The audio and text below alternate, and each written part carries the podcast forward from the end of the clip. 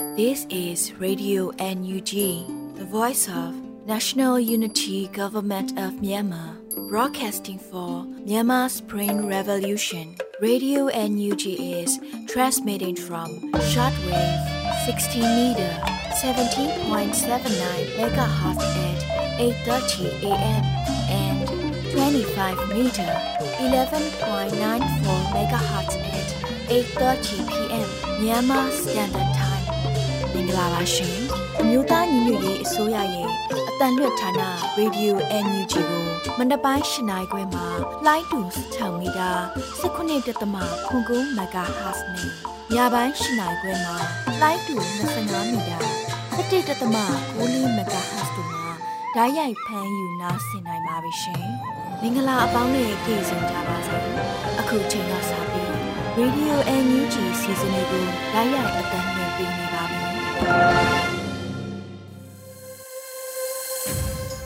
မင်္ဂလာနေ့နဲ့ခင်ပါခင်ဗျာရေဒီယိုအန်ယူဂျီတောတာရှင်များအားလုံးဘေးပရာဝေးကွာလို့စိတ်ရောကိုယ်ပါကြမ်းမာချမ်းသာကြပါစေကြောင်းရေဒီယိုအန်ယူဂျီဝိုင်းတော်သူဝိုင်းတော်သားတွေကဆုတောင်းမေတ္တာပို့သလျက်ရှိပါတယ်အမျိုးသားညွရေးဆိုရာဆက်သွယ်ရေးတည်င်းချက်လက်နဲ့ဤပညာဝန်ကြီးဌာနရေဒီယိုအန်ယူဂျီရဲ့ဩဂုတ်လ၄ရက်နေ့မနေ့ပိုင်းအတန်လွှင့်စီစဉ်တွေကိုစတင်ပါတော့မယ်ဦးဆုံးအနေနဲ့ ကာကွယ်ရေးဝန်ကြီးဌာနရဲ့စစ်ရေးတည်င်းချင်းချုပ်တွေကိုຫນွေဦးနိုင်ကဖတ်ကြားတင်ပြပါမယ်ခင်ဗျာမင်္ဂလာပါခင်ဗျာအမျိုးသားညီညွတ်ရေးအစိုးရကာကွယ်ရေးဝန်ကြီးဌာနမှထုတ်ပြန်တဲ့နေ့စဉ်စစ်ရေးအကျဉ်းချုပ်များကိုဖတ်ကြားတင်ပြပေးပါမယ်2023ခုနှစ်ဩဂုတ်လ3ရက်နေ့ညပိုင်းထုတ်ပြန်ချက်အရရန်သူတပ်သားတေဆုံမှုနဲ့ဒဏ်ရာရရှိမှုအခြေအနေတွေကိုစုံစမ်းဆဲဖြစ်ပါတယ်အခုဆက်လက်ပြီးအာနာသိန်းအကြမ်းဖက်စစ်တပ်နဲ့တိုက်ပွဲဖြစ်ပွားမှုသတင်းတွေကိုတင်ပြပေးပါမယ်ပဲခူးတိုင်းမှာ ဩဂုတ်လ1ရက်နေ့ည8နာရီခွဲအချိန်ခန့်ကနတ်တလင်းမြို့နယ်အရှိဘက်ပဲခူးရိုးမတဲရှိလေမာအင်းကျေးရွာအုပ်စုတောင်ညိုဆဲအဆက်အောင်ဒုက္ခဆက်လီစိတ်မှာတက်ဆွဲထားတဲ့ရန်သူတပ်ကိုပြည်သူ့ကာကွယ်ရေးတပ်မတော်တာယာဝတီခရန် PDF တပ်ရင်3831တက်ခွဲလေး MRF တပ်ဖွဲ့မှဘုံပြလောင်ချဖြင့်တွားရောက်ပစ်ခတ်တိုက်ခိုက်ခဲ့ပြီးရန်သူတပ်မှလက်နက်ကြီးလက်နက်ငယ်များဖြင့်ပြန်လည်ပစ်ခတ်ခဲ့ပေမဲ့ပြည်သူ့ကာကွယ်ရေးတပ်ဖွဲ့ဝင်များ အထီးခိုင်မရှိပြန်လည်ဆုတ်ခွာနိုင်ခဲ့တယ်လို့သတင်းရရှိပါရခင်ဗျာ။အခုဆက်လက်ပြီးအာနာသိန်းအကြံဖက်စစ်တပ်မှကျူးလွန်တဲ့ရာဇဝတ်မှုတွေကို တင်ပြပေးပါမယ်။ရှမ်းပြည်နယ်မှာဩဂုတ်လ2ရက်နေ့မနက်ပိုင်းမှာမူဆယ်မြို့နယ်စေလန့်ကျေးရွာရှိလွယ်တင်းခန်းတောင်တောင်ကြီးမှာစကားဆတက်အမီအင်အားမတိရနဲ့တအောင်ပလောင်အမျိုးသားလွတ်မြောက်ရေးတပ်မတော် TNL တို့တိုက်ပွဲဖြစ်ပွားခဲ့ပါတယ်။ တိုက်ပွဲဖြစ်ရာနေရာကိုမူဆယ်မြို့မှစကားစာတက်ကလက်နက်ကြီးဖြင့်16ကြိမ်ခန့်ထိပစ်ကူပေးခဲ့ရာစေလန့်ကြီးရွာဈေးအနီးရှိနေအိမ်တစ်လုံးရှိမှလက်နက်ကြီးနှလုံးကြားရောက်ပောက်ကွဲခဲ့ပြီးအမျိုးသမီးတဦးနဲ့ကလေးငယ်တဦးလက်နက်ကြီးစထိမှန်ခဲ့ကြောင်းသိရပါတယ်။ဩဂုတ်လ2ရက်နေ့နေ့လယ်ပိုင်းမှာမူဆယ်မြို့နယ်မူဆယ်မြို့နယ်105မိုင်ကုံသွေးရေးဆောင်ကြားအောက်တုံခံကြေးရွာအနီးမှာစကားစားနဲ့ပြည်သူစစ်ပူးပေါင်းအင်အား100ကျော်ပါတဲ့ စစ်ကားဆယ်စီးကို TNL တပ်ဖွဲ့ကမိုင်းဆွဲတိုက်ခိုက်မှုဖြစ်ပွားခဲ့ပြီးတဲ့နောက်မူဆယ်မြို့105မိုင်ကုံသွေးရေးဆောင်မှာတက်ဆွဲထားတဲ့အမြောက်တပ်မှလက်နက်ကြီးများနဲ့ပစ်ခတ်ခဲ့ပါတယ်။အဆိုပါလက်နက်ကြီးပစ်ခတ်မှုကြောင့်မူဆယ်105မိုင်ကုံသွေးရေးဆောင်ကြားရှိနေအိမ်တစ်လုံးထိမှန်ခဲ့ပြီးအမျိုးသမီးတဦးလက်နက်ကြီးစထိမှန်ခဲ့ကမူဆယ်ပြည်သူစေယုံတို့ပို့ဆောင်ခဲ့ရပြီးဒေသခံပြည်သူများလည်းမူဆယ်မြို့ပေါ်နဲ့ နမ်အောင်ကချင်နှစ်ချင်းခရီးရန်ကျောင်းဝင်းတို့ထွက်ပြေးတင်းရှောင်နေတယ်လို့သတင်းရရှိပါရခင်ဗျာမန္တလေးတိုင်းမှာအော်ဂိုလာ3ရက်နေ့မနက်9:35မိနစ်ခန့်ကမန္တလေးမြို့82လမ်း39နဲ့38လမ်းကြားရှိမိုးရီကျော်လက်ဖက်ရည်ဆိုင်မှာမုံစားနေတဲ့အမျိုးသား2ဦးအမျိုးသမီး2ဦးကိုဆိုင်အတွင်းရဲ2ဦးကစောင့်ကြည့်ကမိနစ်ပိုင်းအကြာအိမ်စည်းက2စီးရဲအင်အား10ဦးခန့်ဖြင့်တပ်ပုံနဲ့တိုက်စစ်ကဖမ်းဆီးသွားတယ်လို့သတင်းရရှိပါရယ် တနင်္သာရီတိုင်းမှာဩဂုတ်လ2ရက်နေ့ညနေ4နာရီခန့်မှာရေပြူမြို့နယ်ပရရွာသို့စကားစကားလေးစီအင်အားအပြည့်ဖြင့်ရောက်ရှိနေပြီးမိုင်းလုတ်ကွက်မှလူများကိုဖမ်းဆီးထားတယ်လို့သတင်းရရှိပါရခင်ဗျာ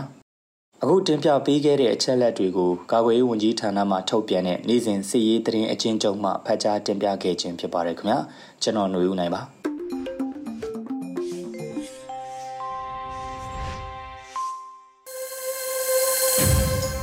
ဆက်လက်ပြီးຫນွေဥမိုင်ဖတ်ကြားထားတဲ့ပြည်တွင်းသတင်းများကိုဆက်လက်နားဆင်နိုင်ကြပါလိမ့်မင်္ဂလာပါရှင်အခုချိန်ကစပြီး Radio UNG ရဲ့။ဩဂတ်စ်လ၄ရက်နေ့မနက်ခင်းပြည်တွင်သတင်းများကိုဖတ်ကြားပေးပါတော့မယ်။ကျွန်မအနွေဦးမိုင်းပါ။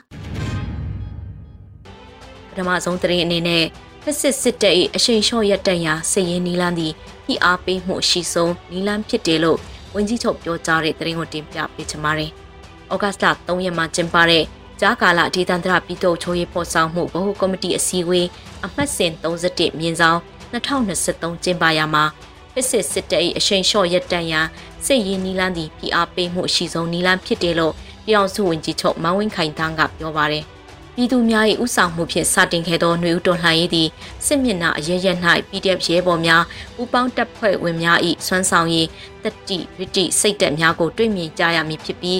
အင်မတန်လေးစားကွန်ပျူတာပြင်ဖြစ်ကြောင်းရဲဘော်များ၏တိုက်ရေးခတ်ရေးစွမ်းရည်များကြောင့်စစ်ကောင်စီတပ်မှထိုးဖောက်နိုင်ခြင်းမရှိသည်မှာလက်တွေ့တည်တည်ပင်ဖြစ်ကြောင်းရဲဘော်များ၏စွန့်လွတ်စွန့်စားစိတ်နဲ့လှုပ်ဆောင်နေမှုများကြောင့်အောင်မြင်မှုများရရှိနေသည်ကိုမြဝါထင်ထင်တွေ့မြင်နေရပါကြောင်းတော်လှန်ရေး၏အလှည့်ပြောင်းသည့်စစ်ရေးအပေါ်၌အလုံးစုံတည်မြင်နေခြင်းမဟုတ်ပေမဲ့လက်နက်ကင်ပြီးအကြမ်းဖက်နေသောဖက်စစ်စစ်တပ်၏အရှိန်လျှော့ရက်တန့်ရန်စစ်ရေးနီလန်းသည်ဤအားပေးမှုရှိဆုံးနီလန်းဖြစ်သည်ကို အားလုံးလက်ခံထားမိဟုထင်မှကြောင်းဝန်ကြီးချုပ်ကဆိုပါတယ်။ဒါအပြင်ကြားကာလပြည်သူ့အုပ်ချုပ်ရေးရန်ရားဖော်ဆောင်ရာတွင်အုပ်ချုပ်ရေးကဏ္ဍကိုအကောင့်ထဲဖော်နိုင်ရန်ကာကွယ်ရေးလုံခြုံရေးကဏ္ဍများနှင့်လည်းအချိတ်ဆက်မိမိစစ်ရေးကာကွယ်ရေးကဏ္ဍများတွင် COC အကောင့်ပါက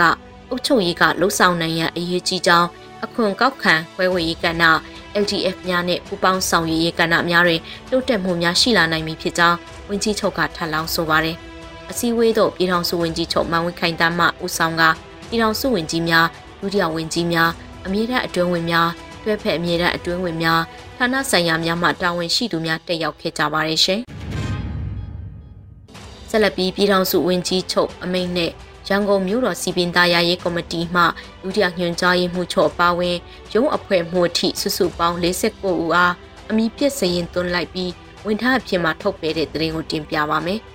အမျိုးသားညီညွတ်ရေးအစိုးရပြည်ထောင်စုဝန်ကြီးချုပ်ရုံးမှအမိန့်အမှတ်45မြင်းဆောင်2023ကိုထုတ်ပြန်ပြီးရန်ကုန်မြို့တော်စီပင်သားရေးကော်မတီမှအရာထမ်းအမှုထမ်းများကိုထုတ်ပေးခဲ့ပါတယ်။ပြည်အောင်စုသမ္မတမြန်မာနိုင်ငံတော်အမျိုးသားညီညွတ်ရေးအစိုးရသည်နိုင်ငံဝန်ထမ်းများအနေဖြင့်အကြမ်းဖက်စစ်ကောင်စီလက်အောက်တွင်ဆက်လက်တာဝန်မထမ်းဆောင်ဘဲဓမ္မဖက်မှရက်တည်၍ပြည်သူနှင့်တရားဒီဖြစ်စေရန်နှင့်အမိန့်အာဏာဖီဆိုင်လှုပ်ရှားမှု CDM တွင်ပါဝင်ကြစေရန် အကြိမ်ကြိမ်ဖိတ်ခေါ်ခံလန်းခဲ့ပြီးဖြစ်ပါတယ်လို့ဖော်ပြပါတယ်။အမျိုးသားညီညွတ်ရေးအစိုးရဝန်ကြီးချုပ်ရုံးအနေဖြင့်လဲအောက်တိုဘာလမှစတင်၍အမိန့်အာဏာဖီဆိုင်လှုပ်ရှားမှု CDM တွင်ပါဝင်ခဲ့ကြသည့်ဝန်ကြီးဌာနမဖွဲ့ရသေးသောဌာနအသီးသီးမှနိုင်ငံဝန်ထမ်းသူရဲကောင်းများ၏လူမှုကူလုံရေးလုံခြုံဘေးကင်းရေးနှင့်ပြည်အားကင်းစင်တို့အတွက်အလေးထားဆောင်ရွက်လျက်ရှိရလို့ဆိုပါတယ်။သို့ဖြစ်ပါ၍တရားမဝင်အာဏာသိမ်းစစ်ကောင်စီလက်အောက်တွင်ဆက်လက်တာဝန်ထမ်းဆောင်နေပြီးစီဒီအမ်ဝန်ထမ်းများအားဖိအားပေးခြင်း ချင်းချောက်ခြင်းရာထူးမှထုတ်ပယ်ခြင်းဝန်ထမ်းအဖြစ်မှထုတ်ပယ်ခြင်းတရားစွဲဆိုခြင်းနဲ့ဥပဒေနဲ့အညီပြန်ဆက်ရန်မလိုတော့သည့်လစာချင်းဝင်များအားအတင်းအဓမ္မပြန်လည်ပေးဆက်ခိုင်းခြင်းများရန်ကုန်တိုင်းဒေသကြီးတွင်စစ်ကောင်စီစီမံချက်မှန်သမျှအလုံးအားပုံဖော်ဆောင်ရွက်ပေးနေခြင်းစသည့်အမျိုးမျိုးသောဖိနှိပ်မှုများကိုကျူးလွန်နေသောရန်ကုန်မြို့တော်စီပင်သားရရေးကော်မတီမှအကြမ်းဖက်စစ်ကောင်စီလက်အောက်ခံဝန်ထမ်းများအားအမိပြက်စင်းတွန်းလိုက်ပြီး ဝန်ထမ်းအဖြစ်မှထုတ်ပယ် dismiss လိုက်တယ်လို့အသိပေးကြေညာခဲ့ပါတယ်ရှင်။မတရားမှုတွေပပျောက်ဖို့ဖက်စစ်စစ်တပ်အမြင့်ဖြတ်ရမှာပဲဖြစ်တယ်လို့ပြည်ထောင်စုဝန်ကြီးနောဆုစနာလှလှဆိုပြောကြားတဲ့တဲ့ကိုဆက်လက်တင်ပြပါမယ်။မတရားမှုတွေပပျောက်ဖို့ဖက်စစ်စစ်တပ်အမြင့်ဖြတ်ရမှာပဲဖြစ်တယ်လို့အမျိုးသမီးလူငယ်နဲ့ကလေးသူငယ်ရေးရာဝန်ကြီးဌာနပြည်ထောင်စုဝန်ကြီးနောဆုစနာလှလှဆိုကဩဂတ်စ်လ3ရက်နေ့မှာပြောကြားလိုက်ပါတယ်။ ကျမတို့ဟာကိုကပြောတာကြီးပဲမဟုတ်ပဲသူများပြောတာလည်းနားထောင်တက်ရပါတယ်ပြည်သူပန်းနိုင်ကပြုလုပ်တဲ့စစ်ကောင်စီမှကျူးလွန်သောလိန်အကြမ်းဖက်မှုများစကားဝိုင်းကိုနားထောင်ခဲ့ပါတယ်စီရီယမိုကြီးများနဲ့ KWO မှစီယာမစစ်စဲတို့ဆွေးနွေးတာကြားရပါတယ်စစ်စစ်စစ်တပ်ဟာလိန်ပိုင်းဆိုင်ရာအကြမ်းဖက်မှုကိုစင်စစ်တစိုက်ကျူးလွန်ခဲ့တာဟာယခုနေတော်လှန်ရေးအချင်းအခါထိပါပဲစစ်တပ်အရာရှိကြီးများဟာလက်အောင်ငယ်သားများရဲ့ဇနီးများကိုလည်းမရှောင် လိန်အခွင့်ရေးယူပါသေးတယ်။အဲ့ဒါကိုလည်းတိတိကျင်းနဲ့မုန်းခံခဲ့ရတဲ့စစ်သေးများရဲ့ရင်ဖွင့်တံကိုကြားခဲ့ရပါတယ်။ဒီလိုမတရားမှုတွေပပျောက်ဖို့ဖက်စစ်စစ်တပ်အမြင့်ဖြတ်ရမှာပဲဖြစ်ပါတယ်လို့ဝန်ကြီးကဆိုပါတယ်။အယူကြီးမှမှတ်တမ်းများအရလူတော်လှန်ရေးနောက်ပိုင်းစစ်ကောင်စီတပ်အပါအဝင်လိမ်ပိုင်းဆိုင်ရာကျိုးလွန်မှု126မှုရှိပါတယ်ရှင်။စ ကြားကာလဒေသန္တရပြည်သူ့အုပ်ချုပ်ရေးဖော်ဆောင်မှုဘုတ်ကော်မတီနဲ့ခရိုင်ပြည်သူ့အုပ်ချုပ်ရေးဖွဲ့များတွဲဆုံဆွေးနွေးပွဲကျင်းပတဲ့တဲ့ဝန်ဆက်လက်တင်ပြပါမယ်။ပြည်ထောင်နဲ့လူမှုကြီးကြပ်ဝင်ကြီးဌာနနဲ့ခရိုင်ပြည်သူ့အုပ်ချုပ်ရေးအဖွဲ့များတွဲဆုံဆွေးနွေးမှုအစည်းအဝေး6မြင်းဆောင်2023ကိုဩဂတ်လ3ရက်ကကျင်းပခဲ့ပါတယ်။အစည်းအဝေးတွင်ကြားကာလဒေသန္တရပြည်သူ့အုပ်ချုပ်ရေးဖော်ဆောင်မှုဗဟိုကော်မတီအတွင်းရေးမှုအဖွဲ့ဝင်ပြည်တော်စုဝင်ကြီးချုပ်ယုံအမြဲတမ်းအတွင်းဝင်မှအဖွဲ့မှစကားပြောကြားခဲ့ပါတယ်။ ဆက်လက်ပြီးဝင်ကြီးဌာနများမှဌာနနှင့်သက်ဆိုင်သည့်လုပ်ငန်းများအားမှာကြားဆောင်ရွက်ခဲ့ပြီးတက်ရောက်လာသောခရိုင်ပြည်သူ့အုပ်ချုပ်ရေးအဖွဲ့များမှရင်းပြင်းကြုံတွေ့နေရသည့်ကိစ္စရပ်များလိုအပ်ချက်များအခက်အခဲများကိုမင်းမြန်ဆွေးနွေးကြကာဝင်ကြီးဌာနတာဝန်ရှိသူများမှပြန်လည်ဖြေကြားဆောင်ရွက်ခဲ့ပါတယ်။အစည်းအဝေးသို့အမြဲတမ်းအတွင်းဝင်များတွဲဖက်အမြဲတမ်းအတွင်းဝင်များဌာနဆိုင်ရာများမှတာဝန်ရှိသူများနဲ့ခရိုင်ပြည်သူ့အုပ်ချုပ်ရေးအဖွဲ့များမှတက်ရောက်ခဲ့ကြပါတယ်ရှင်။ ဆက်လက်ပြီးကရင်နီအမျိုးသားကာကွယ်ရေးတပ် KNDF အမှတ်6တပ်ရင်းစတင်တီထောင်ခြင်းနှစ်နှစ်ပြည့်အခမ်းအနားကျင်းပတဲ့တဲ့ရင်ကိုတင်ပြပါမယ်။ကရင်နီအမျိုးသားကာကွယ်ရေးတပ် KNDF အမှတ်6တပ်ရင်းစတင်တီထောင်ခြင်းနှစ်နှစ်ပြည့်အခမ်းအနားကိုဩဂတ်လ2ရက်မှာကရင်နီပြည်တနေရာတွင်ကျင်းပခဲ့လို့သိရပါတယ်။အခမ်းအနားတွင်ကြဆုံသွားသောအာဇာနည်ရဲဘော်များအားဂုဏ်ပြုအလေးပြုခြင်းကရင်နီအလံတော်အားအလေးပြုခြင်းသစ္စာအဋိဌံပြုခြင်း မဟာမိတ်များထံမှဂုဏ်ပြုတဝန်လွှာဖတ်ရှုခြင်းများလှုပ်ဆောင်ခဲ့ပါတယ်။ထို့နောက်ကောင်းဆောင်များမှရဲဘော်ရဲဘက်များအားအားပေးစကားပြောခြင်းနဲ့ဂုဏ်ပြုခြင်းများကိုအစီအစဉ်တကျခမ်းနားစွာကျင်းပခဲ့ပါတယ်ရှင်။စစ်ကောင်စီနဲ့တရုတ်နိုင်ငံကအကြီးဆုံးကုန်သွယ်ဖက်နိုင်ငံအဖြစ်ဆက်ရှိနေတဲ့သတင်းကိုနောက်ထပ်တင်ပြပေးချင်ပါတယ်။စစ်ကောင်စီနဲ့တရုတ်နိုင်ငံကအကြီးဆုံးကုန်သွယ်ဖက်နိုင်ငံဖြစ်ဆက်ရှိနေတယ်လို့ ISP မြန်မာကဖော်ပြတည်ပေးပါတယ် 2022 2023ဘဏ္ဍာနှစ်တွင်မြန်မာနိုင်ငံရဲ့နိုင်ငံခြားကုန်သွယ်မှုတန်ဖိုးမှာအမေရိကန်ဒေါ်လာ34ဘီလီယံတန်ဖိုးရှိခဲ့ပါတယ်။တရုတ်နိုင်ငံနဲ့ကုန်သွယ်မှုမှာအများဆုံးဖြစ်ပြီးအမေရိကန်ဒေါ်လာ9.2ဘီလီယံကျော်ရှိခဲ့ပါတယ်။ဒုတိယအများဆုံးမှာထိုင်းနိုင်ငံဖြစ်ပြီးအမေရိကန်ဒေါ်လာ6ဘီလီယံနီးပါးဖြစ်ပါတယ်။နိုင်ငံအလိုက်ကုန်သွယ်မှုမှာတော့တရုတ်နိုင်ငံကအကြီးဆုံးကုန်သွယ်ဖက်နိုင်ငံအဖြစ်ဆက်ရှိနေလို့ဆိုပါရရှင်။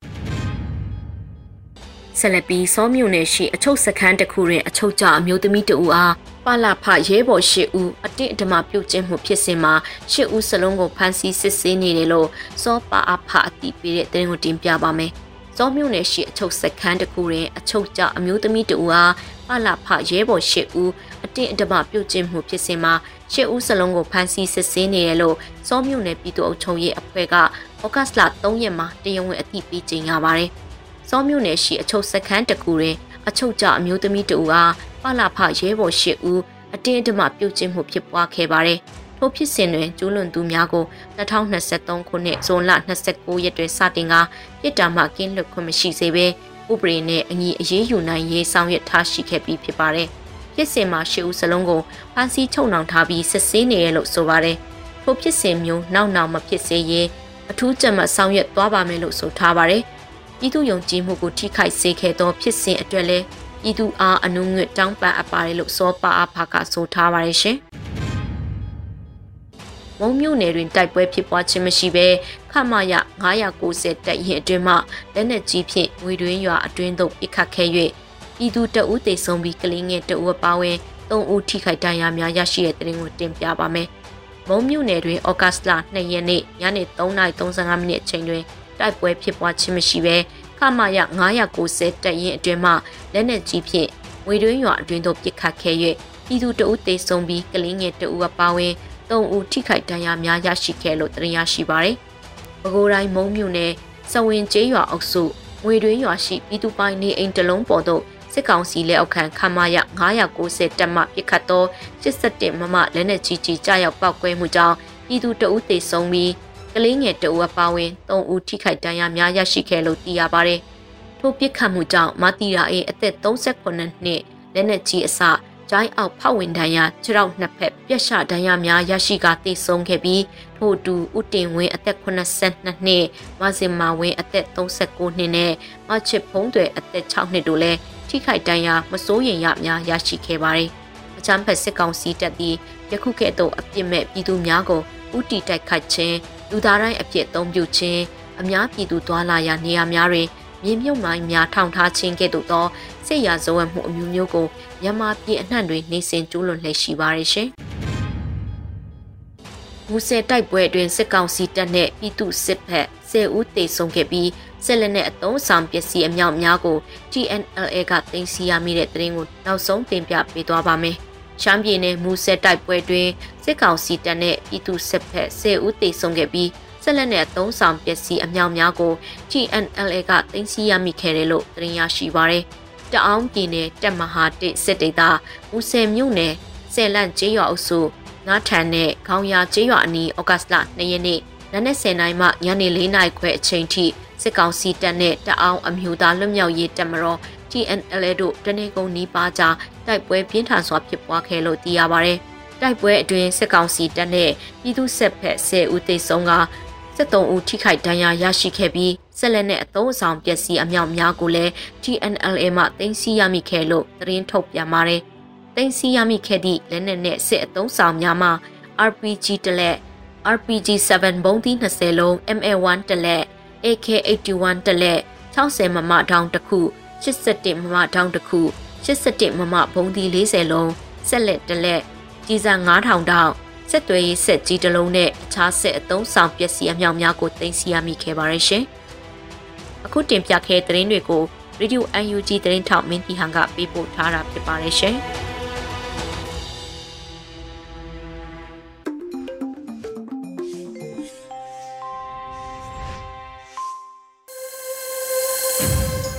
ရှင်။ Radio UNG ရဲ့ဩဂုတ်လ၄ရက်နေ့မနက်ပိုင်းအတန်လွင့်စီစဉ်တွေကိုနားဆင်နေရတာဖြစ်ပါတယ်။အခုတခါအလှည့်ကြတာကတော့တော်လိုင်းရေးကြပြဖြစ်ပါတယ်။နိုင်မွန်အောင်တွင်ရေးသားပြီးလွတ်လပ်နေဦးခန်းစားရွတ်ဖတ်ထားတဲ့တူမီနဲ့စခဲ့တဲ့အချစ်ဆက်ကျမ်းလိုအမည်ရတဲ့တော်လိုင်းရေးကြပြတဲ့ပုတ်ကိုထုတ်လွှင့်လိုက်ပါတယ်ခင်ဗျာ။တူမီနဲ့စခဲ့တဲ့အချစ်ဆက်ကျမ်းမဖြစ်မနေ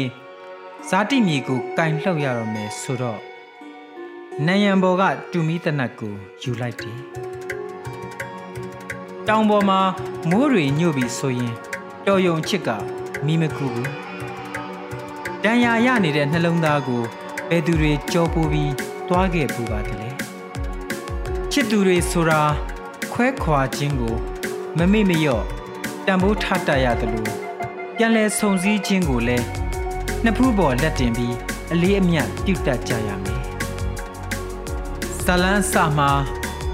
နံရံဘော်ကတူမီတနတ်ကိုမဖြစ်မနေယူခဲ့တယ်။ဇလန်းဆုံးကြနံရံဘော်မှာ AK47 မောင်းပြန်တနတ်ကိုအလေးအနက်ချိတ်ပေးထားလိုက်တယ်။ငရဲပြောင်းဝထဲမှာငါတို့တက်ပြင်းတွေပူနေသေးပါအမွေတူလူလူမမေ့မလျော့ချင်းများနဲ့အိုအောင်မင်းအောင်ပေါင်းကြရပါစေ နိုင်မွန်အောင်တွင်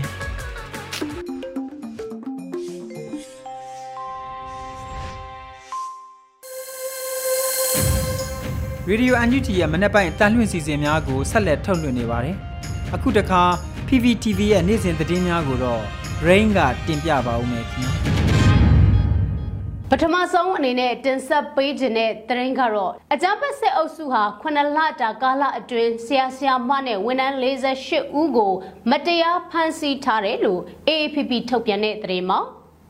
အကြမ်းဖက်စစ်အုပ်စုက9လတာကာလအတွင်းဆရာဆရာမနဲ့ဝန်ထမ်း48ဦးကို မတရားဖမ်းဆီးထားတယ်လို့နိုင်ငံရေးအကျဉ်းသားများကုညီဆောင်ရှောက်ရေးအသင်း AAPP ကထုတ်ပြန်ပါတယ်။ နိုင်ငံရေးအကျဉ်းသားများကုညီဆောင်ရှောက်ရေးအသင်းကကောက်ယူထားတဲ့သတင်းအချက်လက်တွေအရ2023ခုနှစ်ဇန်နဝါရီလကနေဇူလိုင်လအထိ9လတာကာလအတွင်းနိုင်ငံတော်ဝန်ပညာရေးကဏ္ဍကဆရာဆရာမတွေအပါအဝင်ဝန်ထမ်းအမျိုးသား14ဦးနဲ့အမျိုးသမီး34ဦးစုစုပေါင်း48ဦးကိုအကြမ်းဖက်စစ်အုပ်စုကဖမ်းဆီးခဲ့တာပါ အဲ့ဒီ48ဦးအနက်မန္တလေးတိုင်းမှာ19ဦးနဲ့အများဆုံးဖမ်းဆီးခံခဲ့ရတာဖြစ်တယ်လို့သိရပါတယ်။ပြီးခဲ့တဲ့ဇူလိုင်လ28ရက်နေ့ကလည်းအမျိုးသားညွရေးအစိုးရကဖွင့်လှစ်ထားတဲ့ Bright Future Federal School ပညာသင်ကြားနေတဲ့ကျောင်းသူနှစ်ဦးရဲ့ဖခင်ဖြစ်သူဦးကျော်မင်းထေစာသင်ကြားပေးတဲ့အာနာဖိဆိုင်ရေးလှုပ်ရှားမှုမှာပါဝင်တဲ့ကျောင်းဆရာဦးဝေယံမင်းထိုင်နဲ့ ကျောင်းဆရာမတော်မြင့်မြင့်တန်းတို့ကိုလည်းအကြမ်းဖက်စစ်တပ်ကဖမ်းဆီးသွားတယ်လို့ AAPP ကအသိပေးဖော်ပြထားပါတယ်။ထမန်တင်ဆက်ပေးခြင်းတဲ့သတင်းကတော့တပရဲမြို့နယ်မှာအကြမ်းဖက်စစ်ကောင်စီစစ်ကြောင်းကို PDF ပူပေါင်းတပ်ကတိုက်ခိုက်လို့စစ်သား10ဦးထက်မနည်းသေဆုံးခဲ့တဲ့သတင်းမှာစကိုင်းတိုင်းတပရဲမြို့နယ်မှာအကြမ်းဖက်စစ်ကောင်စီစစ်ကြောင်းကို PDF ပူပေါင်းတပ်ကတိုက်ခိုက်ရာ စစ်သား10ဦးထက်မနည်းသေဆုံးခဲ့တယ်လို့ရွှေဘုံမြို့နယ်ပြည်သူ့ကာကွယ်ရေးအဖွဲ့ကထုတ်ပြန်ပါတယ်။ဒီပရင်မြို့နယ်နဲ့ရေဦးမြို့နယ်ဘက်ကစစ်ကြောင်းထိုးလာတဲ့အင်အား130ပါအကြမ်းဖက်စစ်ကောင်စီပူပေါင်းစစ်ကြောင်းနဲ့ PDF ပူပေါင်းတပ်တွေဩဂတ်2ရက်မနေ့7နာရီခွဲကတပရင်မြို့နယ်ထဲမှာထိတွေ့တိုက်ပွဲတွေဖြစ်ပွားခဲ့တာပါ အကြမ်းဖက်စစ်တပ်ဘက်ကကင်းထောက်ဒရုန်းတွေနဲ့ထောက်လှမ်းပြီးတော့လက်နက်ကြီးတွေနဲ့မနာတမ်းပစ်ခတ်နေတဲ့ကြားကကာကွယ်ရေးအဖွဲ့ပူးပေါင်းတက်ကပျောက်ကြားစနစ်နဲ့တိုက်ခိုက်နိုင်ခဲ့ပြီးရဲဘော်9ဦးမစိုးရိမ်ရထိခိုက်ဒဏ်ရာရခဲ့တယ်လို့အသိပေးဖော်ပြထားပါတယ်။ပြည်သူ့ကာကွယ်ရေးတပ်ဖွဲ့ကအဲ့ဒီအကြမ်းဖက်စစ်ကြောင်းကို မိုင်းလုံးကိုပွင့်ခွဲတိုက်ခိုက်ခဲ့တာကြောင့်စစ်သား10ဦးထက်မနည်းသေဆုံးနိုင်တယ်ဆိုတာနဲ့ တိုက်ပွဲကြာမြင့်ချိန်တနာရီခွဲဝန်းကျင်ရှိခဲ့တာကြောင့်စစ်သားထိခိုက်သေဆုံးအတိအကျကိုစုံစမ်းနေစေဖြစ်တယ်လို့သိရပါတယ်။ဒီတိုက်ပွဲတွေကိုရွှေဘုံမြို့နယ်ပြည်သူ့ကာကွယ်ရေးအဖွဲ့ PDO ရွှေဘုံခရိုင်တပ်ရင်းကိုတပ်ရင်းစနစ်တပင်းမြို့နယ်ပြည်သူ့ကာကွယ်ရေးအဖွဲ့တွေပါဝင်တဲ့ပူးပေါင်းမဟာမိတ်အဖွဲ့ကတိုက်ခိုက်ခဲ့တာပါ။ ဒီနွေဦးတော်လိုင်းရေးမှာအကျန်းဖက်စစ်အာဏာရှင်တွေရဲ့ရက်စက်ကြမ်းကြုတ်မှုကြောင့်အသက်ပေးခဲ့ရတဲ့နွေဦးသူရဲကောင်းတွေများစွာရှိပါတယ်။နွေဦးတော်လိုင်းရေးမှာကိုယ့်ရဲ့ရှင်သွေးတူဦးဒါမှမဟုတ်မိဘတူဦးဒါမှမဟုတ်ကိုယ့်ရဲ့အိမ်တော်ဘက်တူဦးဒါမှမဟုတ်လည်းဆွေမျိုးသားချင်းအစရှိသဖြင့်ဆုံးရှုံးလိုက်ရတဲ့ဒီမိသားစုရဲ့ဆုံးရှုံးမှုဟာဘာနဲ့မှအစားထိုးလို့မရတဲ့ ဖြည့်သိမ့်လို့မရတဲ့ဆုံးရှုံးမှုတစ်ခုပါထရီဆာတို့အားလုံးကလည်းဒီဆုံးရှုံးမှုတွေအတွက်စိတ်ထိခိုက်နာခြင်းခံစားကြရတယ်နာကျင်ခံစားနေလို့ပြီးပဲအသက်ပေးခဲ့ကြတဲ့မျိုးဦးသူရဲကောင်းတွေရဲ့မိသားစုတွေအတွက်ဘဝနောင်ရဲ့အဆင်ပြေဖို့ဆောင်းရှောက်မှုတွေတစုံတရာလိုအပ်ပါတယ်။အဲဒီအတွက်ရင်းနှီးပေးဆက်ခဲ့ကြတဲ့သူရဲကောင်းတွေရဲ့ကိုစား သက်ရှင်ကြံ့ရခဲ့တဲ့ကျွန်တော်တို့တွေကတာဝန်ကိုယ်စီရှိပါတယ်။တော်လိုင်းမှာမြင့်မြတ်စွာအသက်ပေးလူခဲ့ကြတဲ့မျိုးဦးသူရဲကောင်းတွေကိုဂုဏ်ပြုရလဲရောက်တယ်လို့ဒီသူရဲကောင်းတွေရဲ့ကြံ့ရစ်သူမိသားစုတွေအတွက်လည်းတစုံတရာနှစ်သိမ့်မှုပေးရရောက်တယ်လို့မျိုးဦးတော်လန်ရင်အောင်မြင်ဖို့အတွက်အထောက်အကူပြုရလဲရောက်တဲ့တို့မျိုးဦးသူရဲကောင်းများအတွက်ငွေတိုက်စာချုပ်အစီအစဉ်မှာတက်အားသည့်ပါဝင်ပေးကြဖို့အတွက်သူသူဖိတ်ခေါ်ပြစီရှင်။ တော်လန်ရဲ့အတွက်အသက်ပေးလူခဲ့တဲ့ຫນွေဦးသူရဲကောင်းတွေကိုရည်စူးပြီးတော့သူတို့ရဲ့ကြံရည်သူမိသားစုတွေအတွက်အထောက်အပံ့တစုံတရာဖြစ်ဖို့တို့ຫນွေဦးသူရဲကောင်းများအတွက်ငွေတိုက်စာချုပ်တွေကိုဝယ်ယူအားပေးရှင်နေဆိုရင်တော့ www.facebook.com/ourspringheroes Facebook page ကနေတစ်ဆင့်ဒါရိုက်ဝယ်ယူနိုင်ပါတယ်ရှင်။မြေဥတော်လန်ရေးမှာမြင့်မြတ်စွာအသက်ပေးခဲ့ကြရတဲ့သူရဲကောင်းတွေရဲ့အမိပါတဲ့ဘွန်စာချုပ်တွေကိုအလူရှင်တွေရဲ့လက်ထဲကိုပေးပို့သွားမှာဖြစ်ပြီးတော့တော်လန်ရေးအောင်တဲ့တနေ့ NUG ကဘောင်းငွေတွေပြန်ထုတ်ပေးတဲ့အခါမှာတော့ဒီငွေတွေကိုကျန်ရည်သူမိသားစုတွေရဲ့လက်ထဲရောက်အောင် PPTV နဲ့သက်ဆိုင်ရာတာဝန်ရှိဝန်ကြီးဌာနတွေကတာဝန်ယူပေးပို့ပေးသွားမှာဖြစ်ပါတယ်။အကယ်၍များကျန်ရည်သူမိသားစုတွေနဲ့ဆက်သွယ်မရတာမျိုးစက်ခံမဲ့မိသားစုဝင်တယောက်ယောက်မရှိတော့တာမျိုးဒီလိုကိစ္စမျိုးတွေဖြစ်လာမယ်ဆိုရင်တော့ဒီငွေတွေကိုကြားဆုံးသူရဲကောင်းတွေနဲ့သက်ဆိုင်တဲ့ကိစ္စရပ်တစ်ခုခုမှာထည့်သွင်းအသုံးပြုသွားမှာဖြစ်ပါတယ်။ဒေါ်လာရည်ကြီးအပြီးမှာ ကွက်ကွနေတဲ့အချို့သောမိသားစုဝင်တွေဟာပြန်ဆောင်ကြမှာဖြစ်ပေမဲ့ဘယ်တော့မှပြန်မဆောင်နိုင်တော့တဲ့မိသားစုဝင်တွေရှိနေမှာအသေးကြပါပဲတော်လန်ရေးအတွက်မြင့်မြတ်စွာအသက်ပေးခဲ့ကြတဲ့နေဦးသူရဲကောင်းတွေရဲ့ကြံရစ်မိသားစုဝင်များကိုသက်ရှင်ကြံရစ်ခဲ့ကြတဲ့ကျွန်တော်တို့အားလုံးကဝိုင်းဝန်းဆောင်ရှောက်အောင်ပါအားလုံးရဲ့တောင်းပါကြီးတော့ပေါ်အောင်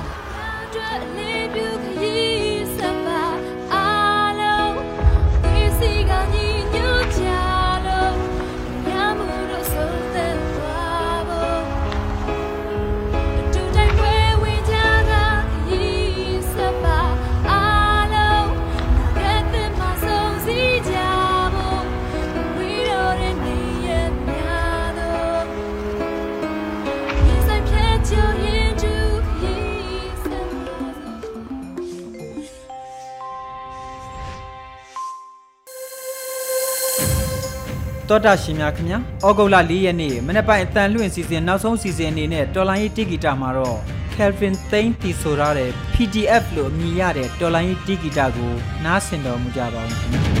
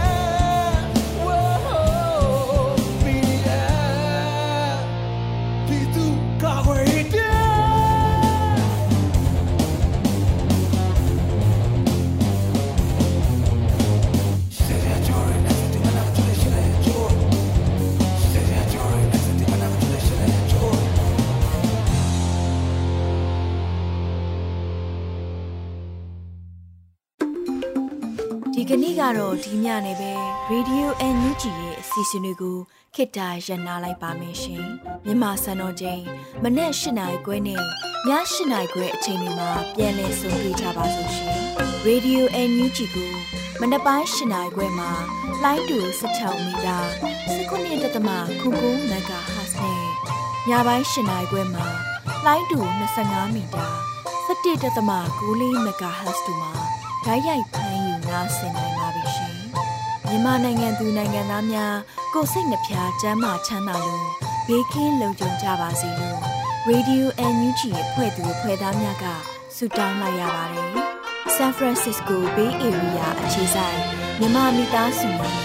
နိုင်ငံတကာကစေတနာရှင်များလို့အားပေးကြတဲ့ Radio NUG ဖြစ်ပါတယ်ရှင်။အရေးတော်ပုံအောင်ရမည်